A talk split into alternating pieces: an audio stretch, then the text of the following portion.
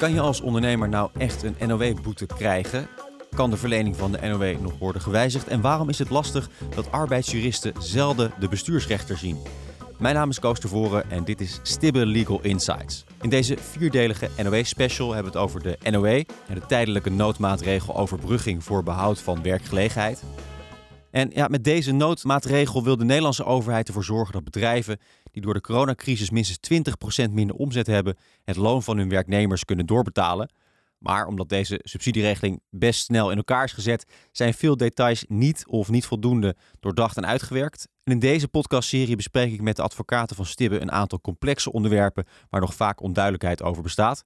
Denk aan uh, de bezwaar- en beroepsprocedure, het bonusverbod, de accountantscontrole en de juridische gevolgen als werkgevers die NOW hebben aangevraagd failliet gaan. Deze onderwerpen bespreken we steeds vanuit verschillende juridische invalshoeken, zoals uh, arbeidsrecht, bestuursprocesrecht en ondernemings- en insolventierecht.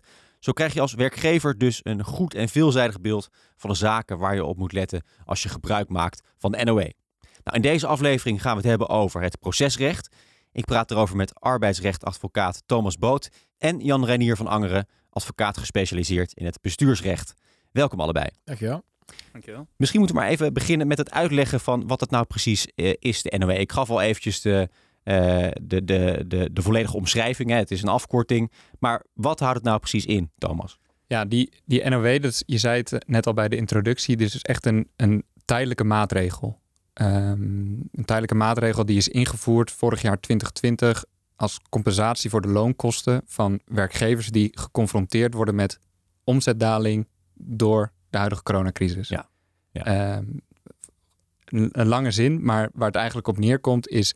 werkgevers hebben omzetdaling, maar moeten wel hun loonkosten blijven doorbetalen. En daarvoor ziet deze regeling in dat die loonkosten dus gecompenseerd worden... in de vorm van een subsidie. Zo eenvoudig als het klinkt, zo eenvoudig is ook de aanvraag. Alleen blijkt nu in de praktijk dat bijvoorbeeld die 20%, zo eenvoudig als dat het opgeschreven is... niet altijd even eenvoudig is. Uh, omdat er eigenlijk ja, er wordt gekeken naar de groepsomzet. Dus je hebt heel veel bedrijven die zijn onderdeel van een grote concern. En uh, de omzet wordt berekend op niveau van de hele groep. Ja, precies. Je hebt, je hebt een, een groot concern, een, een grote groep. Uh, die bestaat eigenlijk uit, uit, allemaal verschillende bedrijven. Ja. Maar ik kan me voorstellen dat uh, een aantal bedrijven die daaronder vallen... niet die 20% halen en, en sommige wel. Ja, je kunt je natuurlijk voorstellen dat je, dat je concerns hebt... waar verschillende soorten bedrijfstakken in zitten... Ja. Uh, je zou bijvoorbeeld een bedrijf kunnen hebben wat aan de ene kant catering services doet, maar aan de andere kant uh, personeel bijvoorbeeld uitleent voor een hele andere, doel, uh, hele andere functie. En dan is het inderdaad, worden die, wordt het als één groep gezien en die omzetdaling wordt eigenlijk op één hoop gegooid. Mm -hmm. Nou, het lastige wat daarbij komt kijken is dat je dus ook kunt hebben dat je als bedrijf misschien zelfs wel 100% omzetdaling hebt, maar de rest van de groep um, eigenlijk bijna geen omzetdaling heeft. En dan zou je dus als individueel bedrijf, omdat je onderdeel bent van een groep, ja. niet in aanmerking komen voor deze tijdelijke steunmaatregel. Ja, want er wordt gekeken naar de omzetdaling van uh, de hele groep. Ja, ja, precies. En er wordt gewoon een gemiddelde genomen. Ja, en bij de eerste invoering, dus dat was uh, in maart vorig jaar, uh, zei de overheid nou, dat, dat is bewust, want je moet als groep eigenlijk zorgen voor je werkmaatschappij, dus voor de individuele bedrijven. Dus als daar onvoldoende omzetdaling is, dan moet je als concern zorgen dat je daar eigenlijk ja, te hulp schiet. Ja, op zich logisch, hè, want zo'n bedrijf valt dan onder een concern. Dus ja, uh, profiteert van de winsten. Maar als het een keer wat minder gaat, uh, mag er ook bijgelegd worden. Ja, zeker. En op zich inderdaad een logische gedachte. Alleen je kunt je ook voorstellen dat er veel bedrijven zijn die wel onderdeel zijn van een groep, maar minder te maken hebben met andere groepsmaatschappijen. Maar oké, okay, dus, dus je, je kan als bedrijf er alsnog aanspraak op maken, maar dan zijn er gewoon strengere voorwaarden. Nee, je zou kunnen, kunnen zeggen, wordt een, een, een groot uh, bedrijf dat werkmaatschappij heeft, dat zowel schoenen uh, maakt als een werkmaatschappij uh, die ook sportartikelen maakt of, of anderszins producten heeft die, die niks te maken hebben met, met schoenen. Ja. Nou, de, de, de schoenentak die daalt flink, maar de rest van het bedrijf doet het eigenlijk heel goed, want online kun je gewoon die sportartikelen gewoon uh, kopen. En mensen denken, ja, sportartikelen, dat koop ik wel. Maar schoenen, dat wil ik toch even zelf passen. Dan wil je naar de winkel toe. Ja, wil ik naar de winkel toe, wil ik het passen, wil ik ook hulp krijgen. Nou, dan gaat het concern verder heel goed. Hè, want uh, on online gaat het omzet hartstikke goed. Alleen die schoenenwerkmaatschappij, ja, die heeft een omzet van min 80. Ja, die kan dan, die kan dan zelf dus die subsidie aanvragen in plaats van dat die hele groep moet aanvragen. Ja, ja. Nee, dat vind ik, ik, vind een mooi concreet voorbeeld. hey, maar Thomas, inmiddels zijn er al drie van die NOW-regelingen geweest. Um, hoe verschilt de een nou van de ander? Ja, op zich wel een goede vraag, want het is natuurlijk vorig jaar maart dus ehm, in werking getreden. En eigenlijk het idee was toen, nou dit is echt een tijdelijke noodmaatregel. er werd voor drie maanden in het leven geroepen. Eigenlijk niemand wist nog dat we het er nu nog steeds over zouden hebben. Dus het is een, een korte periode, uh, een hoge tegemoetkoming, uh, plus de voorwaarden, je mag eigenlijk niemand ontslaan. En daar heeft de regering wat extra verplichtingen aan vastgehangen, dat je bijvoorbeeld niet uh, naar het UWV mag om ontslagaanvraag te doen. En als je dat wel deed, dan kwam er een, eigenlijk een extra correctie op je subsidie. Dus je subsidie werd verlaagd omdat je mensen hebt ontslagen. Um, nou is dat bij de, de, de tweede regeling, dus die uh, voor de zeg maar na de eerste drie maanden, is er een tweede regeling gekomen voor vier maanden. Tweede helft vorig jaar. Ja, ja. daarvan is gezegd, nou, dat uh, die correctie die passen we eigenlijk niet meer toe.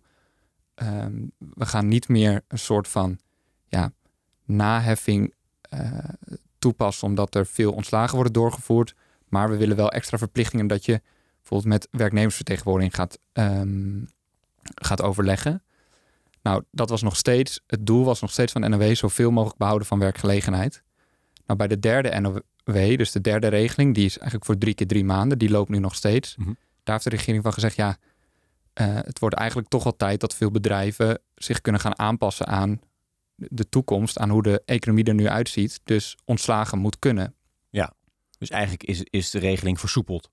Ja, maar aan de andere kant zie je ook dat bijvoorbeeld bij de, waar we het net over hadden, die hoofdregel en die concernuitzondering. Die hoofdregel was bij de NOW 1, daar zat, zat eigenlijk nog geen bonusverbod. Maar bij de NOW 2 zei de regering, ja, we vinden toch dat dat voor alle bedrijven moet gaan gelden omdat wij nu zoveel steun geven aan bedrijven, moet daar ook een, ja, een extra verplichting bij komen. Ja, ja. Dus je ziet eigenlijk bij al die regelingen zijn er verschillende verplichtingen waardoor je subsidie bijvoorbeeld lager zou kunnen worden. Of waar je gewoon aan moet houden om ja, er aanspraak op te kunnen maken. En uiteindelijk, wie kunnen er allemaal aanspraak op maken? In het hele spectrum van uh, bedrijven? Eigenlijk alle werkgevers. Dus als jij een loonsom hebt, en een loonsom houdt in dat je eigenlijk gewoon werknemers hebt waar je uh, loon voor betaalt dat dat, dan kun je de aanspraak op maken. Dus van hele kleine werkgevers, bijvoorbeeld een kapperszaak die dicht is, nou, die kan NOW aanvragen. Maar je ziet het ook bij de hele grote bedrijven die gewoon ontzettend grote omzetdaling hebben, dat die er ook gebruik van kunnen maken. Ja. Nou goed, als ik het een beetje zo op een rijtje zet, uh, nou, uh, als je als bedrijf niet zo lekker gaat, en je hebt 20% uh, eh, omzetdaling, dan kan je dus aanspraak maken op zo'n regeling. Dan krijg je subsidie. Bijna iedereen kan daar aanspraak op maken. Mm -hmm. waar zit nou precies de moeilijkheid of, of het probleem? Want het klinkt als een hele fijne maatregel en subsidie voor bedrijven.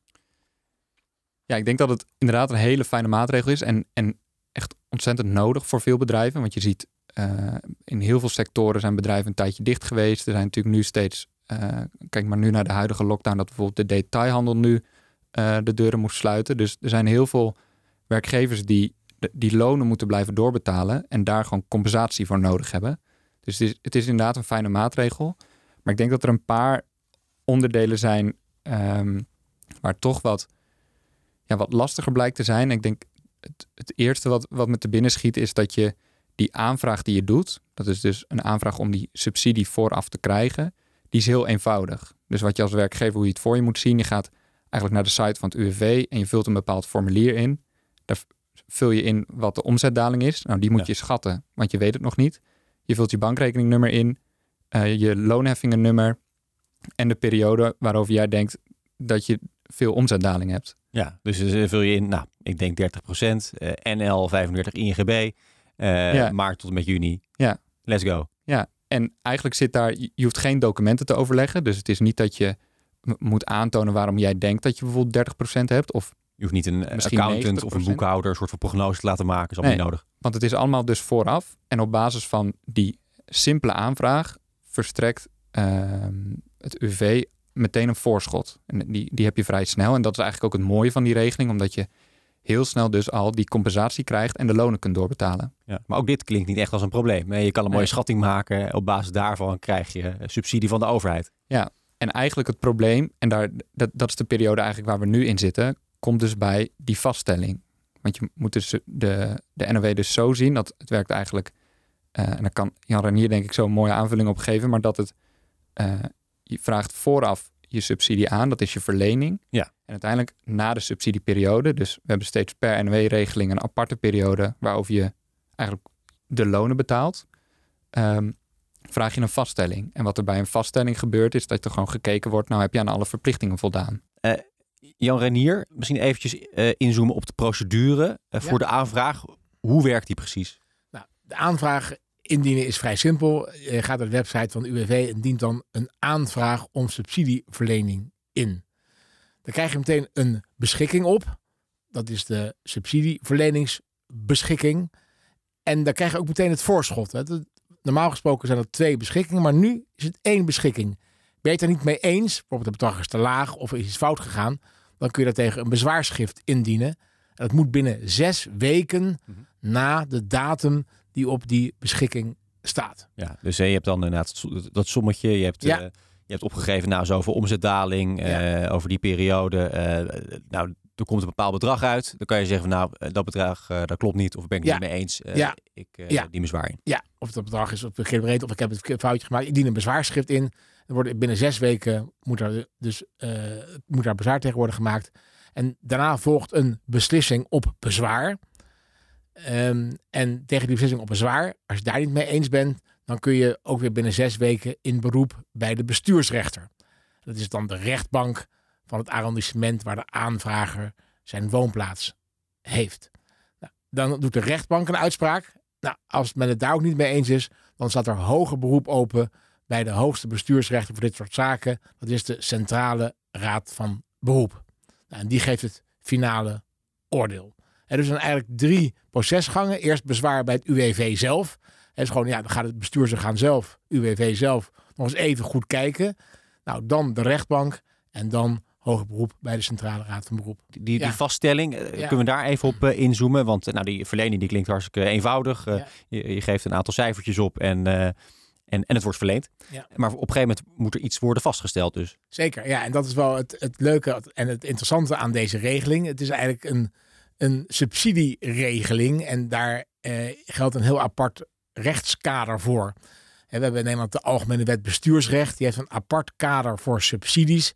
Dat is eigenlijk geschreven voor, ja, voor activiteiten die de overheid wil stimuleren. Bijvoorbeeld een theatergezelschap. Die, de eh, die, zegt, ja. die, die, die zegt, nou, zegt de, de overheid, ik wil graag dat er theatergezelschappen zijn. Nou, kom maar met een aanvraag. Dan gaan we die beoordelen. Nou, en dan verlenen we misschien eh, subsidie. Hè? En dan, daar zit een heel denkproces achter. En het gaat altijd uit van activiteiten die je wil stimuleren. Dat is hier gek, want hier wil je, ja, welke activiteiten wil je eigenlijk eh, eh, stimuleren? Dat is ook in deze regeling helemaal niet omschreven. Hoe werkt het eh, eh, in, di- di- in dit geval? Eh, je kan vrij snel die aanvraag om een subsidieverlening, die kun je indienen. Maar een verlening betekent juridisch alleen maar dat je onder bepaalde voorwaarden in de toekomst recht op geld krijgt. Ja. Nou, die toekomst kan, kan ver zijn. Vandaar dat in de tussentijd wordt gewerkt met een voorschot. Nou, we gaan ervan uit dat u die activiteiten gaat doen. Dus we verlenen al een percentage van het uiteindelijke bedrag als voorschot. Precies, het is een verlening en dan wordt dus alvast geld overgemaakt. Precies. En dan volgt pas de vaststelling. dan volgt de vaststelling. En de vaststelling, dat is een heel belangrijk moment. Want dat geeft op een gegeven moment onvoorwaardelijk recht op het geld. Gaan we even terug naar het theatergezelschap.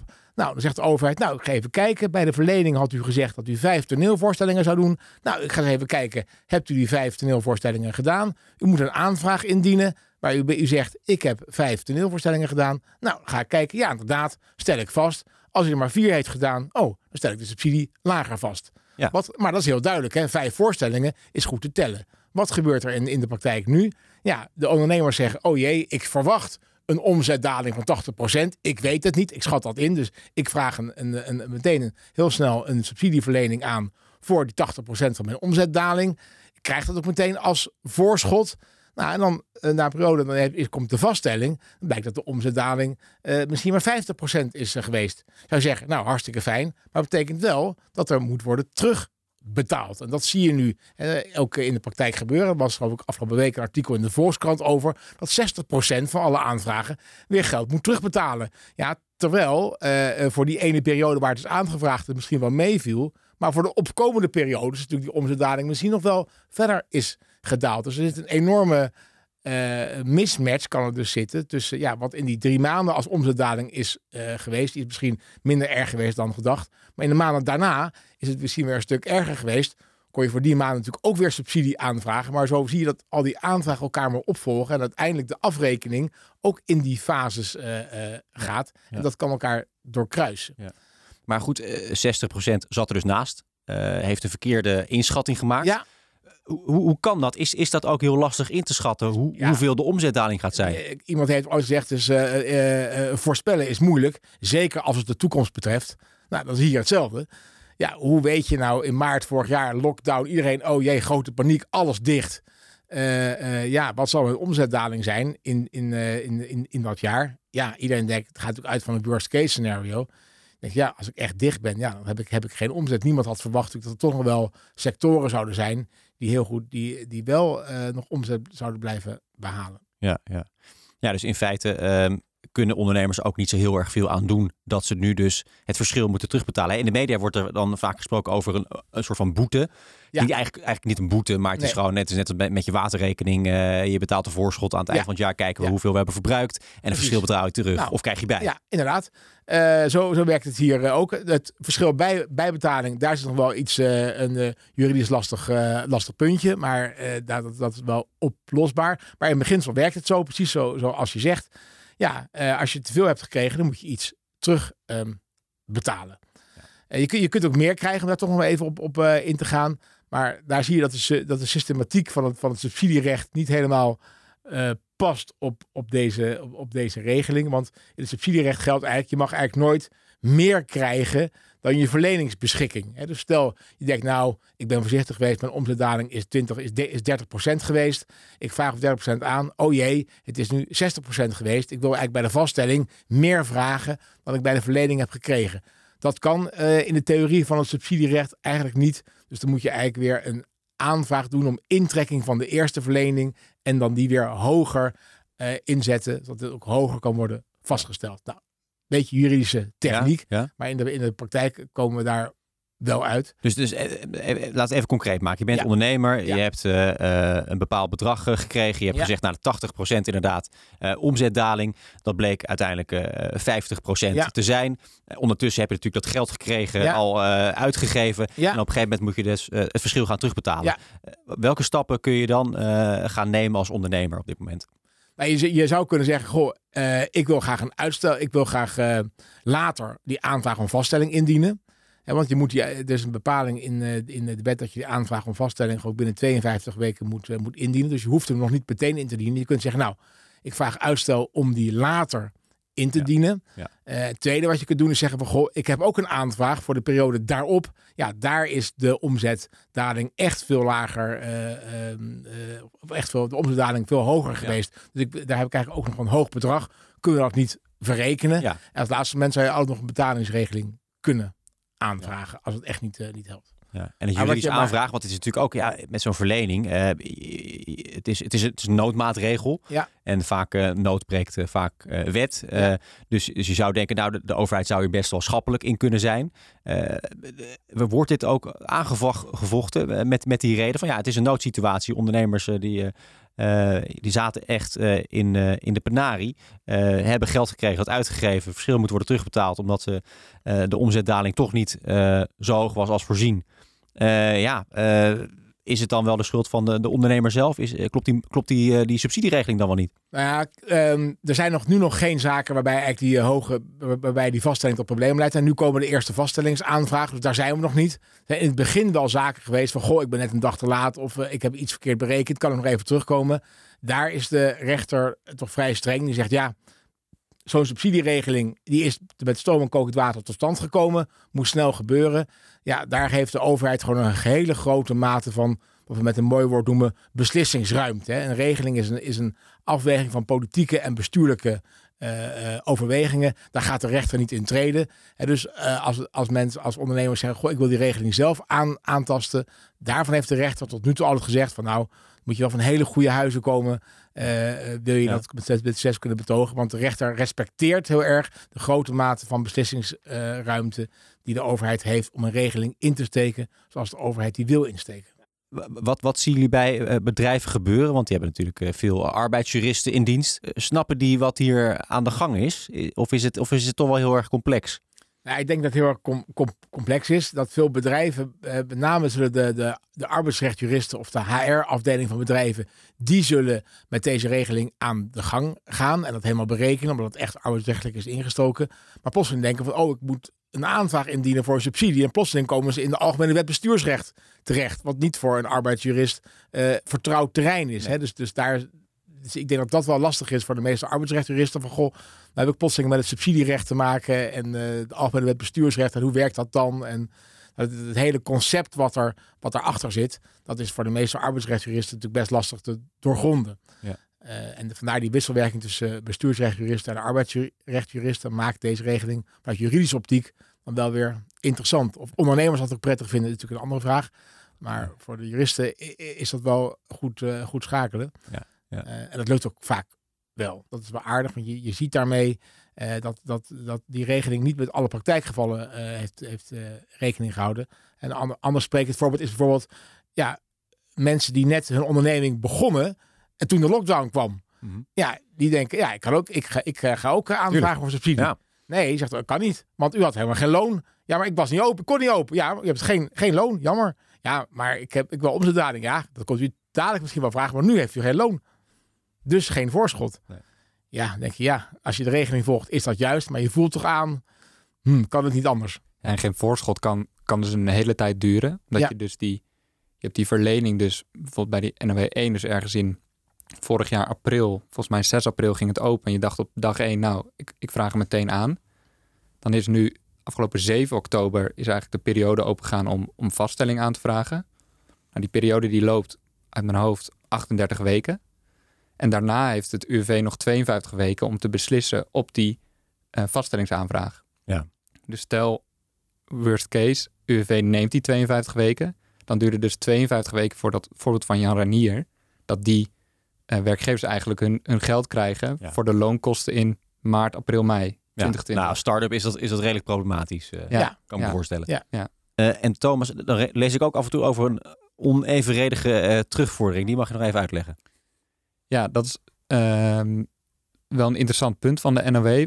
Want hoe het dus werkt, ehm, is dus dat je hebt een loonsom over bijvoorbeeld NOW 1, als we die als, dat als voorbeeld nemen. Loonsom over januari. Dat is je referentieloonsom. Dus op basis daarvan krijg je het voorschot. En dat voorschot, dat moet je dan gebruiken om de lonen te betalen in maart, april, mei. Ja. Nou, wat er bij veel bedrijven kan gebeuren, is dat er in maart, april, mei bijvoorbeeld mensen uit dienst gaan. Ehm, er kunnen contracten niet verlengd zijn. Maar het kan ook bijvoorbeeld nodig zijn geweest om te reorganiseren. Mhm. Waardoor die loonsom dus daalt. Ja, in die maanden heb je dus een lagere loonsom dan in die referentiemaand. en wat, wat lastig is, en het is wel een beetje technisch, maar in die NOW zit dus een formule die dus eigenlijk ehm, die, die gaat op basis van hoeveel omzetdaling je hebt. Mhm. Dus eh, simpel gezegd, je krijgt 90% vergoed als je 100% omzetdaling hebt en 45% vergoed als je 50% omzetdaling hebt. Nou, dat gaat op zich nog goed. Alleen wat er gebeurt is als je loonsom daalt, dan moet je dus altijd 90% terugbetalen. Dus die, eigenlijk die staffel die erin zit om eh, voor minder omzetdaling, die zit er niet in het terugbetalen. Dus voor elke, wordt vaak gezegd, voor elke euro dat de loonsom daalt, moet je 90 cent terugbetalen. Ja. Maar het kan best zijn dat je voor elke eh, euro loonsom die je hebt, geen 90 cent hebt gekregen, maar bijvoorbeeld 45 cent. Dus daar zit een soort stimulans en dat is echt bewust gedaan om ervoor te zorgen dat die lonen zoveel mogelijk gelijk houden. Ja, ja. Waardoor dus eh, bedrijven niet inderdaad zomaar eh, mensen ontslaan en gaan reorganiseren, maar wel gewoon hun mensen salaris blijven betalen. Ja. Daar is het voor bedoeld. Ja, daar is het voor bedoeld. Alleen hoe het ook kan uitwerken is dat, en ik denk dat dat ook wel voor bijvoorbeeld kleinere werkgevers geldt, maar het kan ook voor groter zijn, dat je een, een, een personeelsbestand hebt waar een natuurlijk verloop in zit en wat niet is aangevuld. Ja, precies. Mensen kunnen met pensioen gaan of eh, Ja. hebben er geen zin meer in. eh, moeten thuis op de kinderen passen omdat het Ja. kinderen niet naar school kunnen. Ja, eh, betaald, nee. bepaalde tijdcontracten en eh, mensen denken, nou, deze sector die is mij wat te onzeker, zeker nu in corona, we gaan wat anders doen. Ja. Ehm, ja, en dan word je dan als werkgever eigenlijk, ja, dus wat je zei, onevenredig voor, moet je daar onevenredig voor terugbetalen.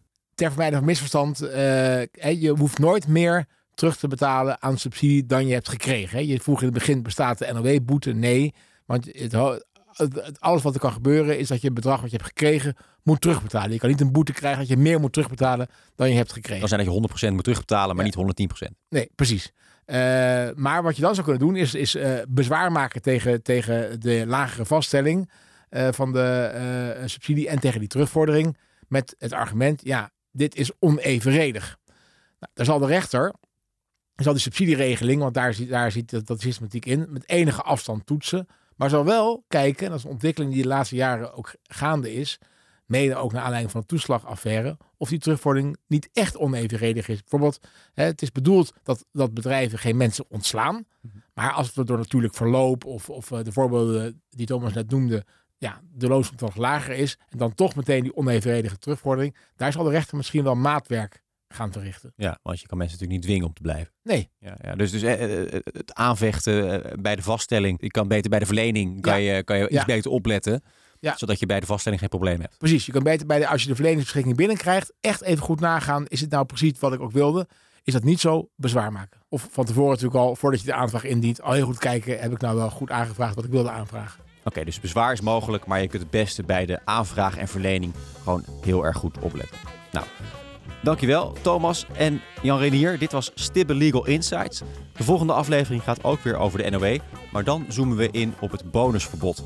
Vind je deze podcast nou interessant? Druk dan via Spotify op de volgknop of laat een recensie achter via Apple Podcasts. Tot de volgende.